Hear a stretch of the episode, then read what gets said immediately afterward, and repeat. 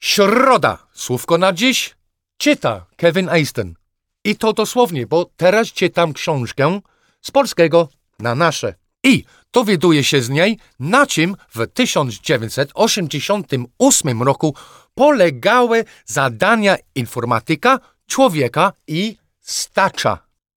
W jaki sposób kupić można w PRL-u telewizor kolorowy?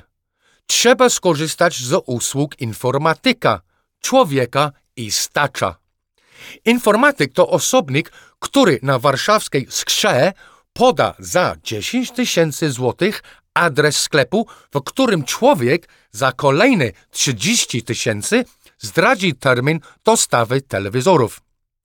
Na trzy doby przed terminem wynajmuje się stacza, który za 150 tysięcy złotych stanie za nas przed sklepem, czekając na towar. I w końcu ten telewizor dla nas kupi. Stacz. Nie mogłem w to uwierzyć, ale istnieje angielskie tłumaczenie tego słowa. Na stacza powiemy line stander albo Q professional.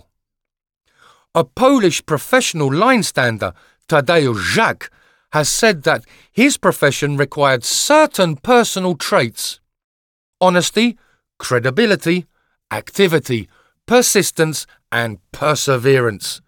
He says he once stood in line for 40 hours. Now, Polska to jest niesamowity kraj. I to było środa. Słówko na dziś i czytał Kevin Easton.